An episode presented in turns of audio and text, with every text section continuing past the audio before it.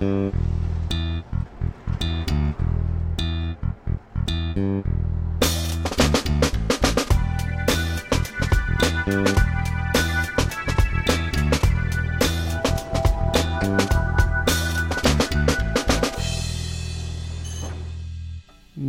co 10 odcinków wracam do tematu wykluczenia transportowego i zazwyczaj mówię o tym w negatywnym aspekcie, mówię o tym, co się nie udaje, dlaczego jest źle, ale dziś spróbujemy troszeczkę inaczej, ponieważ są czasem miejsca, gdzie można poprawić komunikację lokalną i czasem się to udaje zrobić i czasem bywa, że jest lepiej niż było, choć wciąż takich miejsc jest zbyt mało. A ze mną dzisiaj jest Mateusz Pieruk, konsultant transportowy i pasjonat transportu publicznego. Witam cię serdecznie. Dzień dobry.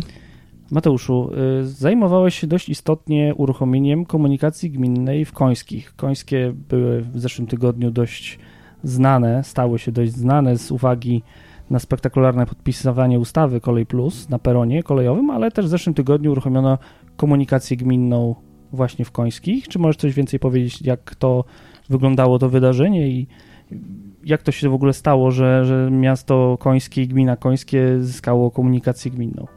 Tak, w piątek, e, w zasadzie dwa dni po wizycie prezydent, prezydenta Andrzeja Dudy e, w Końskich na nowo wybudowanym centrum przesiadkowym miała miejsce e, prezentacja nowych siedmiu autobusów komunikacji gminnej, które były istotnym elementem projektu unijnego wartego ponad 8 milionów złotych, który obejmował m.in. budowę centrum przesiadkowego, zwanego Miejskim Centrum Przesiadkowym, takiego dużego dworca w centrum miasta, do budowy jednego odcinka ulicy zwiększającego możliwości wykorzystania tego centrum przesiadkowego, jakichś elementów modernizacji infrastruktury przystankowej oraz bardzo ważnego elementu zakupu taboru do obsługi E, nowo powstającej komunikacji gminnej.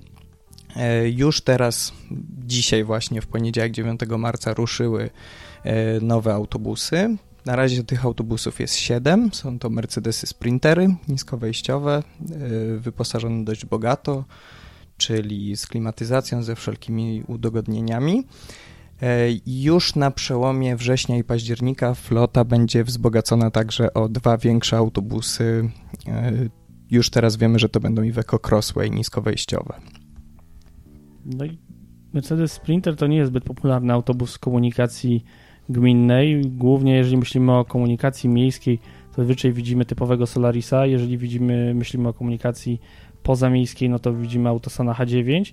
No powolutku pojawiają się małe autobusy typu, typu Carsan e, w mniejszych miastach, natomiast no, jak to jest robić komunikację na Mercedesach Sprinterach, bo to dość osobliwe jednak jest.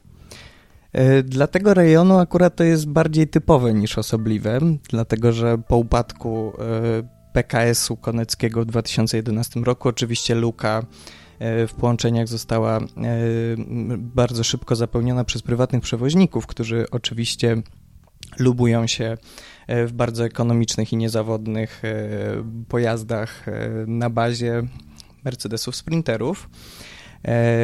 Korzystając w zasadzie z doświadczeń i też z przyzwyczajenia przewoźników do tego typu taboru, e, pierwsze koncepcje taboru do wykorzystania e, w ramach komunikacji gminnej zaczynały się od takiego typu taboru, tylko oczywiście dużo lepiej przystosowanego, czyli e, mającego więcej miejsc stojących, więcej przestrzeni dla pasażerów siedzących, nie tak ściśnięte jak zwykle e, w typowym busie, który ma mieć możliwie najwięcej miejsc siedzących, no i oczywiście z niską podłogą. E, w przetargu, który był e, przygotowany na zakup tych autobusów, premiowane były konstrukcje, które, do, które miały niską podłogę i w przednim, i w tylnym wyjściu.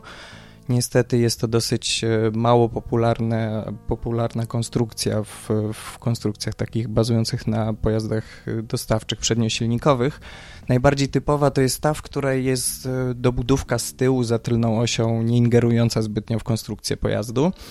To jest rozwiązanie w zasadzie dosyć praktyczne jak na takie potrzeby, bo jest dosyć, dosyć tanie i, i zapewnia ten dostęp do niskiej podłogi, a jednocześnie E, nie bazuje na pewnych bardziej zaawansowanych systemach, takich jak automatyczna skrzynia biegów, niższe pneumatyczne zawieszenie, które z kolei dosyć średnio się sprawdza bardzo na bardzo peryferyjnych trasach o niskiej jakości nawierzchni dróg.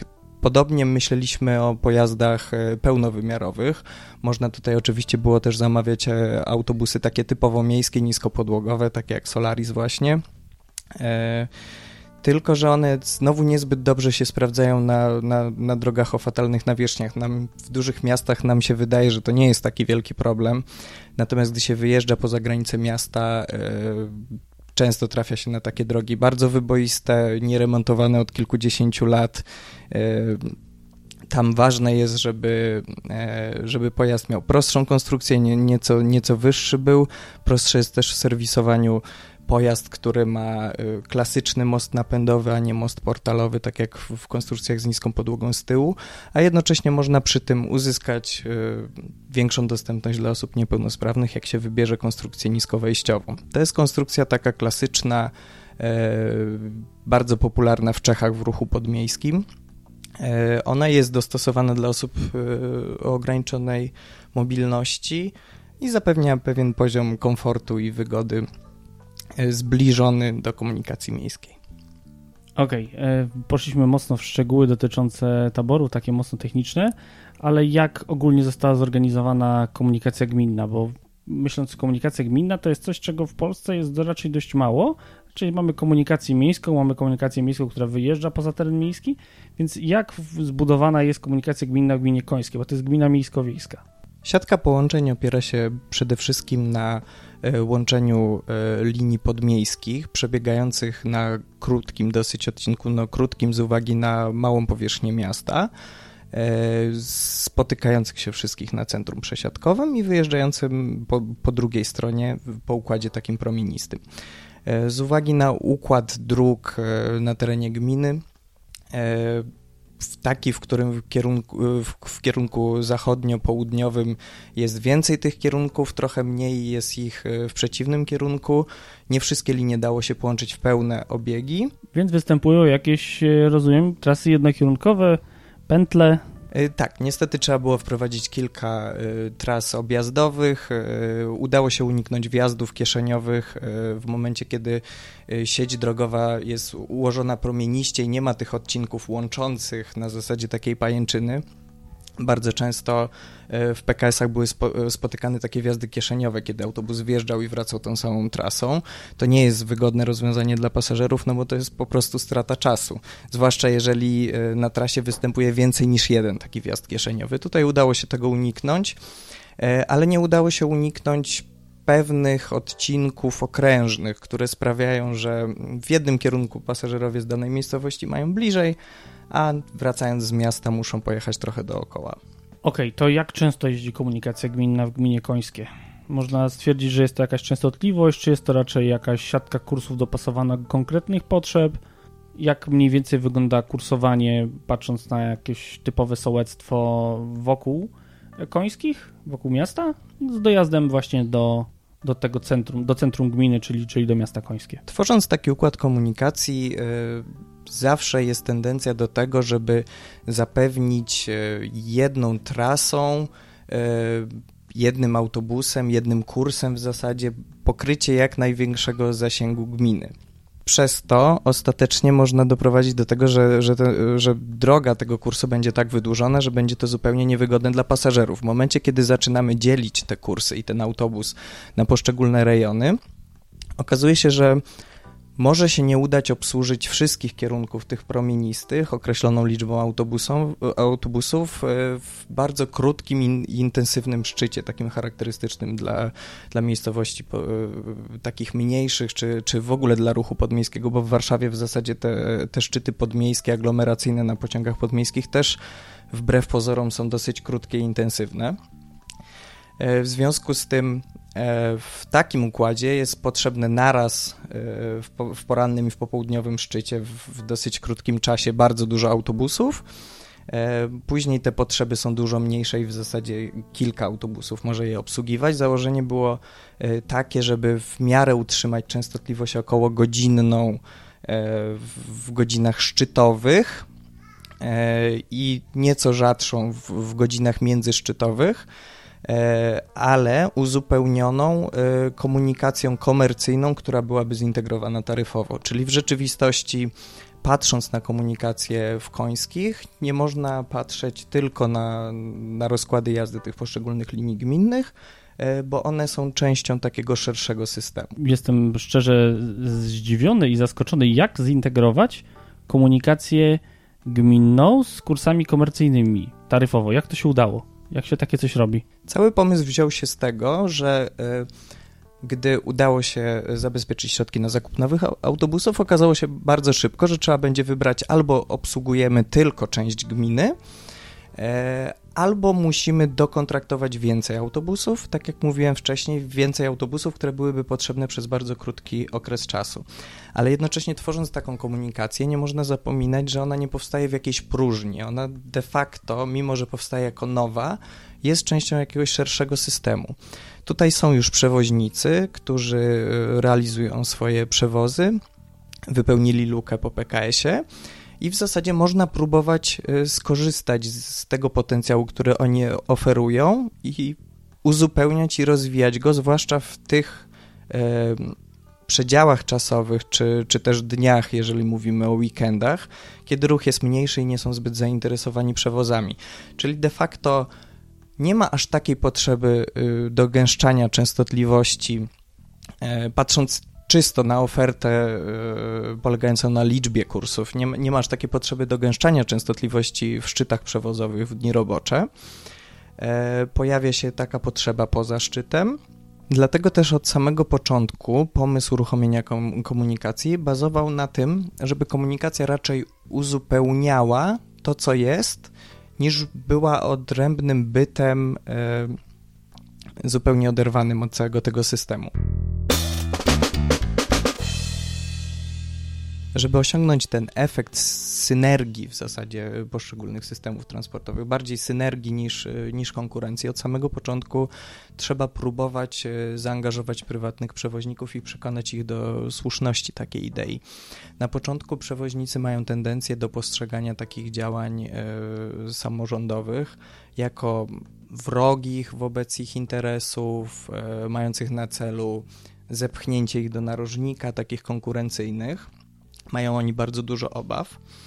E, ale podobnie jak trzeba konsultować e, z mieszkańcami różne plany, trzeba też pamiętać o tym, żeby konsultować z takimi przewoźnikami, których e, widzimy jako ważnych aktorów na tym rynku przewozowym.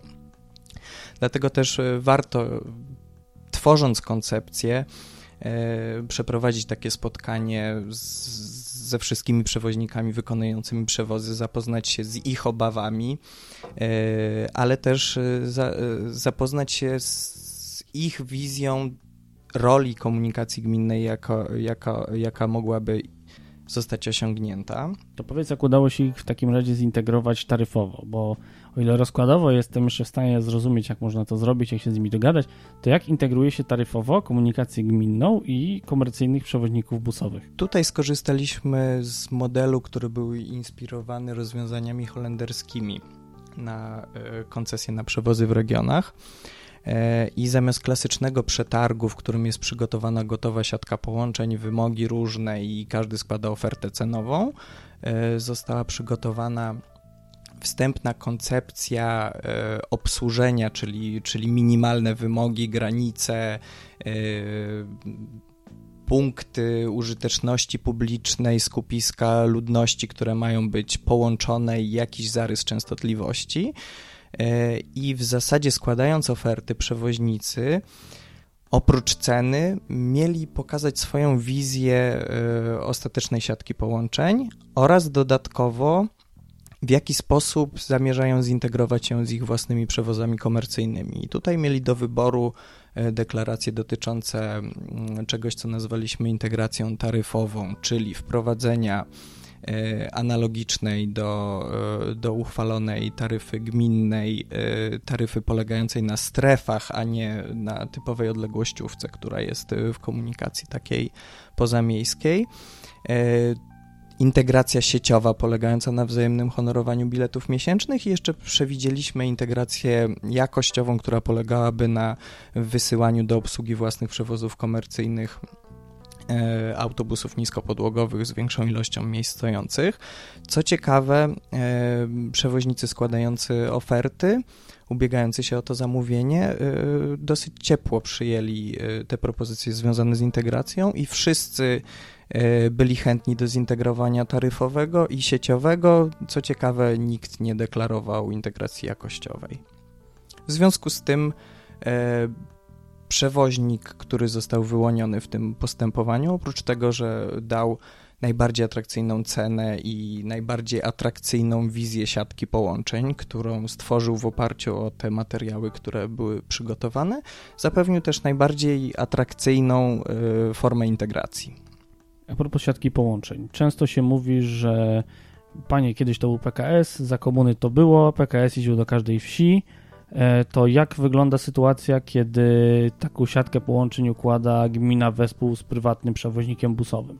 Bo za, mogą pojawić się takie dyskusje. Najczęściej to wygląda tak, że jeżeli jakieś miejsce jest skomunikowane za pomocą przewoźników busowych, to na głównych ciągach tych autobusów jest mnóstwo, a do mniejszych wsi nie zajeżdża nic albo zajeżdża jeden kurs. Jak to wygląda w gminie końskie? Znaczy w zasadzie dość ciekawe było przekonanie przewoźników, y, że w ogóle jest potrzeba jakiegoś działania, dlatego że oni byli absolutnie przekonani, że, że na terenie tej gminy nie ma czegoś takiego jak białe plamy. E, żeby trochę e, udowodnić, że, że jednak takie zjawisko może występować, zrobiłem taką analizę bazującą na rozkładach jazdy z lat 70. E, co ciekawe, na pierwszy rzut oka wydaje się, że nie jest tak źle, bo te różnice nie są aż takie duże. Mówimy tutaj o liczbie połączeń na poziomie sołec danych. E, natomiast jeżeli zaczynamy to dzielić na poszczególne przedziały czasowe, to te różnice już zaczynają być e, bardzo znaczne. Z uwagi na to, że w latach 70. praca była głównie w fabrykach w systemie zmianowym, dużo więcej było kursów przed godziną szóstą, czyli takich wczesnoporannych. W 1977 roku to aż połowa sołectw e, gminy e, miała takie kursy, a w 2018 roku to są pojedyncze kursy w zasadzie w jednej czwartej sołectw, a to oznacza, że to może być de facto jeden albo dwa kursy przed godziną szóstą, które przejeżdżają przez te sołectwa. Wszystko pozostałe jest nastawione na dowóz e, uczniów do szkół już po godzinie 7 e, i podobnie to wygląda już po godzinie 16.30, kiedy w zasadzie ruch zamiera, kiedy ostatni uczniowie wracają ze szkół, e, a z uwagi na pracę w trybie trzyzmianowym w, latach 70 tych kursów było znacznie więcej po 16.30 i tak naprawdę kursy po 16.30 to były bardzo często kursy po 22.00. Obecnie tylko 1 y, czwarta sołectw ma y, więcej kursów po godzinie 16.30 w dni robocze niż, niż miała w 1977 roku. Najgorzej sytuacja wygląda w soboty i w niedzielę e, dlatego że obecnie niemal w połowie sołectw i ponad połowie sołectw y, w niedzielę y, y, sytuacja jest gorsza niż w 1977 roku. To trochę też taka analiza jest raczej takim ćwiczeniem poznawczym, dlatego że wiele od tego czasu się zmieniło, nie tylko nawyki mieszkańców i sposób pracowania, ale też zabudowa też trochę się zmieniła w, tam, w tamtych okolicach. Poza tym kiedyś soboty były dniami roboczymi. Niemniej jednak faktem jest, że oferta obecnie jest dobra, jeżeli mówimy o dniach roboczych. Mówimy tu oczywiście o ofercie przewoźników komercyjnych, busowych. Czy mówimy tu już o łączonej ofercie e, gminnej i komercyjnej? Nie, to była sytuacja, która e, była podstawą do tworzenia siatki połączeń, czyli to był punkt wyjścia. W rozmowie o transporcie publicznym oczywiście nie może zabraknąć też pytania o to, ile to kosztuje i jak się ma do tego ustawa Lex PKS, czyli Fundusz Rozwoju Połączeń Autobusowych. Jak to wygląda w Gminie Końskie? Dzięki skorzystaniu z potencjału prywatnych przewoźników udało się uzyskać e, bardzo atrakcyjną cenę w tym postępowaniu ofertowym. Tam wyszło to na poziomie złoty 20 brutto za wozokilometr. E, to jest tryb kontraktowania netto, w którym e, wpływy z biletów są zachowane dla, dla przewoźnika. Przewidywane jest też wsparcie w ramach Funduszu Rozwoju Połączeń Autobusowych. I myślę, że to jest jeden z takich fajniejszych przykładów nowej komunikacji w oparciu o, o, ten fundusz, bo to nie tylko są zupełnie nowe trasy i zupełnie nowe kursy, ale też na bardzo wysokim poziomie jakościowym. Przy czym niestety muszę przyznać, że fundu, pozyskanie środków z funduszu jest e, do, dosyć skomplikowane i stanowi bardzo duże obciążenie dla urzędników. Zapowiadane są obecnie już zmiany w tym zakresie. E, ale obecnie to jest e, wypełnienie strasznie dużej ilości tabelek ze strasznie dużą ilością danych, e, które w zasadzie trzeba robić odrębnie dla każdego kursu. Ten, ten system troszkę jest oderwany od praktyki, do końca nie wiadomo na przykład jak to będzie wyglądało w momencie, w którym organizator nie, nie, nie pobiera wpływów z biletów jak jest e, wyliczany deficyt na takich liniach. Patrząc na trudności związane z dostępem do środków z Funduszu Rozwoju Połączeń Autobusowych, co jest tak naprawdę najtrudniejsze? Czy to jest właśnie te liczenie tych nowych przystanków, nowych kilometrów, czy w jaki sposób, gdzie jest ta trudność, e, która pojawia się przy wypełnianiu wniosków? E, a druga rzecz, i tutaj pewnie, jeżeli jacyś samorządowcy nas słuchają, z pewnością są bardzo zdziwieni, jakim cudem można zrobić komunikację za złoty 20. Przecież wszędzie jest mówione, że to ma być 3, 4, 5, 6 złotych, a tu jednak okazuje się, że można robić całkiem przyzwoitą komunikację, oczywiście mając wsparcie z regionalnego programu operacyjnego, nowymi autobusami, ale jednak za te złoty 20 brutto za kilometr. To jest naprawdę bardzo ładna stawka. Trudność się bierze po prostu z wyliczania poszczególnych kursów, które w momencie, kiedy są wariantowane, mają różne długości, różne długości w przeciwnych kierunkach. W momencie, kiedy uruchamiamy całą siatkę połączeń dosyć skomplikowaną, trzeba tych wniosków mnóstwo na wypełniać, a w zasadzie e, podobne rzeczy są robione w załącznikach, e, w rozkładach jazdy do zezwoleń. Czyli najprościej byłoby po prostu e, wnioskować o e, dopłatę do całej sieci połączeń nowych niż do jednej linii, która tak naprawdę jest jednym kursem. Więc każdy kurs jest oddzielną linią, czyli powtarza się to, co mm, było już na samym początku mówione, że po co mamy rozważać każdą linię, zajmijmy się siecią. Oczywiście, że tak. Dobrze, to co możemy poradzić samorządowcom, którzy nadal jeszcze nie skorzystali z Funduszu Rozwoju Połączeń Autobusowych i nie chcą za, zamalować białych plam nowymi połączeniami, żeby odważyli się zrobić to, co stało się w gminie Końskie. Najlepiej jest po prostu wziąć odpowiedzialność za sieć, przygotować się na to, że to będzie kosztowało e, i starać się aplikować o te środki. Tak naprawdę, jeżeli ktoś nie myśli na poważnie o uruchomieniu tych połączeń, e, to, to dodatkowe wsparcie wiele nie zmieni. Bardzo przykre są te sytuacje, w których e, samorządy po paru miesiącach likwidują te połączenia. Rozumiem, że w gminie Końskiej możemy liczyć na to, że te autobusy pojeżdżą i to nie będzie miesiąc, dwa ani trzy, tylko będzie to wieloletni projekt. Oczywiście, że tak i jestem przekonany, że na pewno będzie się rozwijać, być może nawet poza granice gminy. Czy są jakieś sygnały z gmin ościennych a propos tego, że chcieliby dołączyć do e, organizacji transportu publicznego u siebie? Takich sygnałów nie ma. Na pewno były przy aplikowaniu ośrodki były próby zachęcenia innych samorządów. E, natomiast e, myślę, że ciepłe przyjęcie mieszkańców sprawi, że e, zwiększy się zainteresowanie tym. Miejmy taką nadzieję. Moim gościem był Mateusz Pieruk, konsultant transportu publicznego, pasjonat PKS-ów, komunikacji miejskiej i ogólnie transportu publicznego. Mam nadzieję, że inni rajcy lokalni pójdą w ślad wójta, burmistrza? Burmistrza. Burmistrza gminy końskiej i również y, zajmą się wreszcie organizacją transportu publicznego, choć nie jest to łatwe. Bardzo Ci dziękuję za tą rozmowę. Dziękuję. A na zakończenie tradycyjne podziękowania dla wszystkich słuchaczy i patronów podcastu, a w szczególności dla Piero, Pawła Zegartowskiego, Pawła Szczura, Roberta Błauta, Tomasza Tarasiuka, Moniki Stankiewicz, Kuby Czajkowskiego, Pawła Łapińskiego, Barnaby Turek, Andrzeja Kaszpira Kaźmirowskiego, Petera Jancowicza i Janaka. Jak widzicie, lista patronów powiększa się z każdym tygodniem. Jeżeli wy chcecie do nich dołączyć, zapraszam na patronite.pl przesiadkowy.